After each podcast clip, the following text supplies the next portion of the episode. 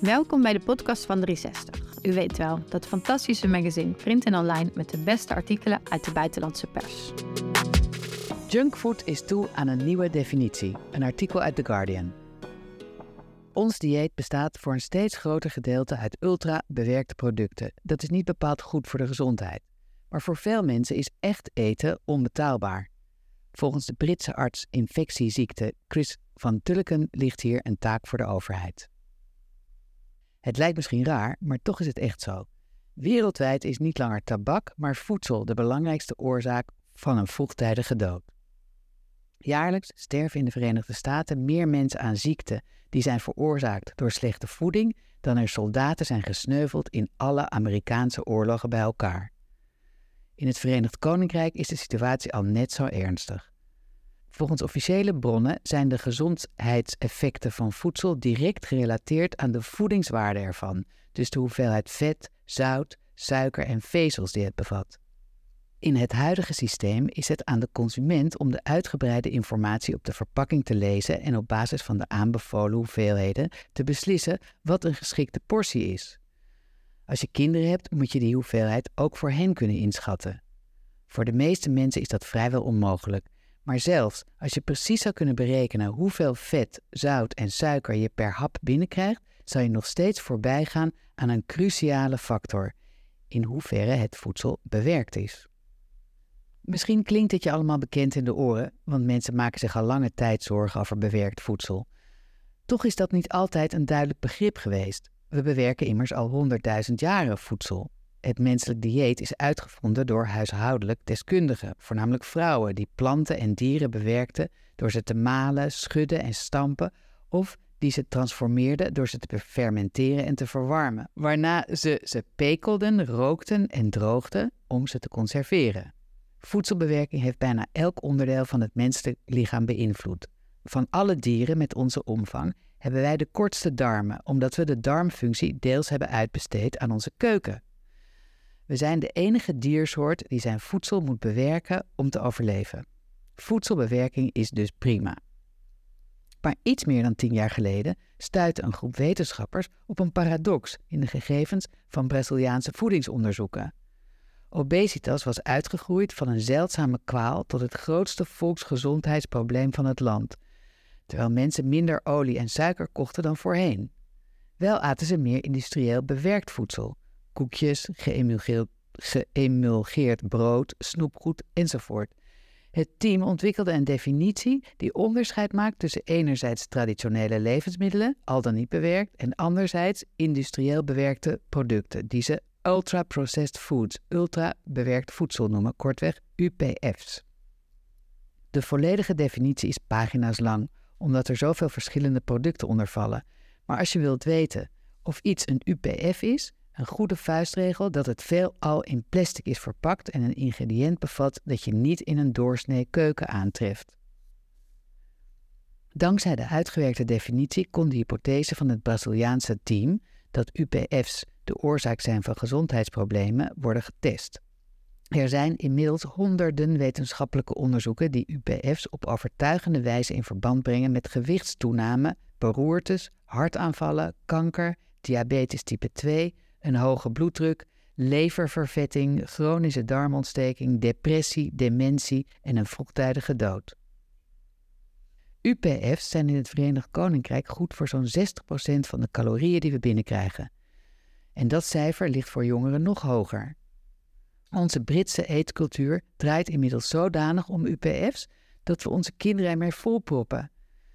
Veel UPF's staan al bekend als junkfood, maar het traditionele beeld dat daarbij hoort, patat, chips, frisdrank, moet worden bijgesteld.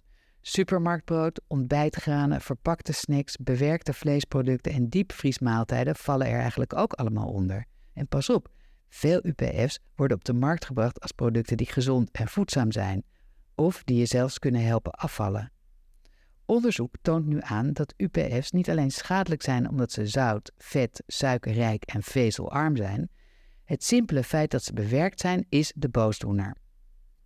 Als je goed naar de ingrediënten kijkt, zul je zien dat de meeste UPF's zijn gemaakt van basisgewassen zoals mais of soja. Die zijn gereduceerd tot hun meest elementaire moleculen eiwitsolaten, geraffineerde oliën en gemodificeerde koolhydraten.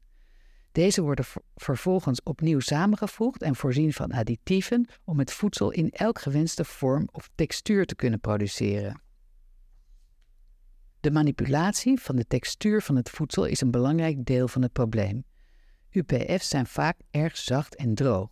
Met behulp van gommen en oliën wordt vochtigheid nagebootst, maar het watergehalte is laag zodat de producten lang houdbaar blijven. Dat zorgt ervoor dat ze een zeer hoge energiedichtheid hebben, wat er, in combinatie met de zachte textuur, voor zorgt dat je te snel eet. De systemen die ons lichaam in de loop van miljoenen jaren heeft ontwikkeld om een vol gevoel te signaleren, kunnen dat niet bijhouden. Er zijn veel mogelijke verklaringen voor de schade die UPF's veroorzaken. Fruit en groenten zijn bijvoorbeeld complex. Ze bevatten tienduizenden fytochemicaliën, moleculen die essentieel zijn voor gezonde voeding.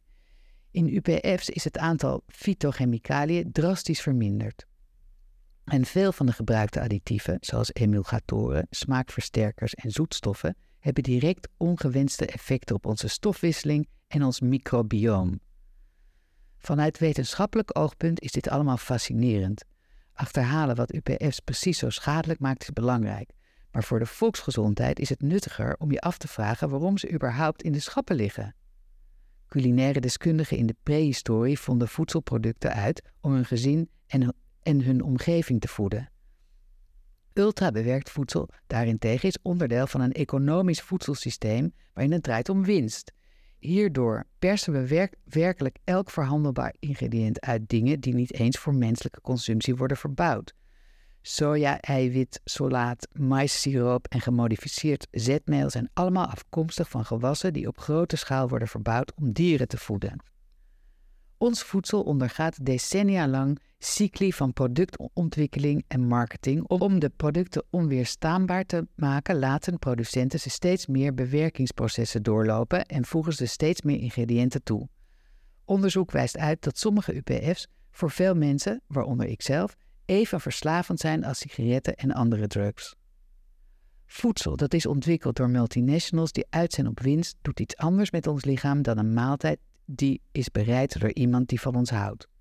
Dat is misschien niet verrassend, maar het heeft heel lang geduurd voordat we het met zekerheid konden aantonen. Inmiddels raken onafhankelijke wetenschappers van toonaangevende instellingen, zoals University College in Londen, waar ik werk, er steeds meer van overtuigd dat ultra-processing een belangrijke motor is van de gezondheidsproblemen waaraan zoveel mensen lijden. Dus wat moeten we doen? Nationale voedingsadviezen moeten niet alleen waarschuwen tegen zout, vet en suiker, maar ook tegen UPF's. Dat lijkt een kleine stap, maar die is van cruciaal belang. Vervolgens moeten we voorzichtig te werk gaan.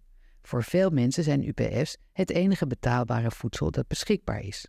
Beleidsveranderingen moeten voorkomen dat de kansarme groepen die het kwetsbaarst zijn voor de gevolgen ervan verder worden gestigmatiseerd.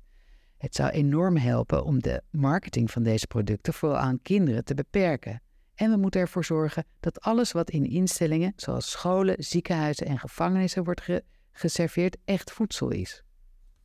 Uiteindelijk zullen we, net als bij tabaksproducten, moeten inzien dat een waarschuwing op de verpakking noodzakelijk is. En er zijn bredere inzichten die we in acht moeten nemen. We weten dat mensen die het kunnen betalen ook daadwerkelijk gezonder eten.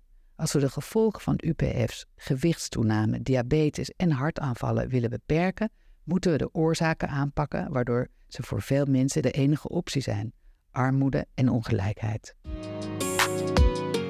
Ik ben Jan Mulder en mocht u allergisch zijn voor BN'ers, lees het blad dat nooit één letter over mij zal schrijven. Kijk op 360magazine.nl.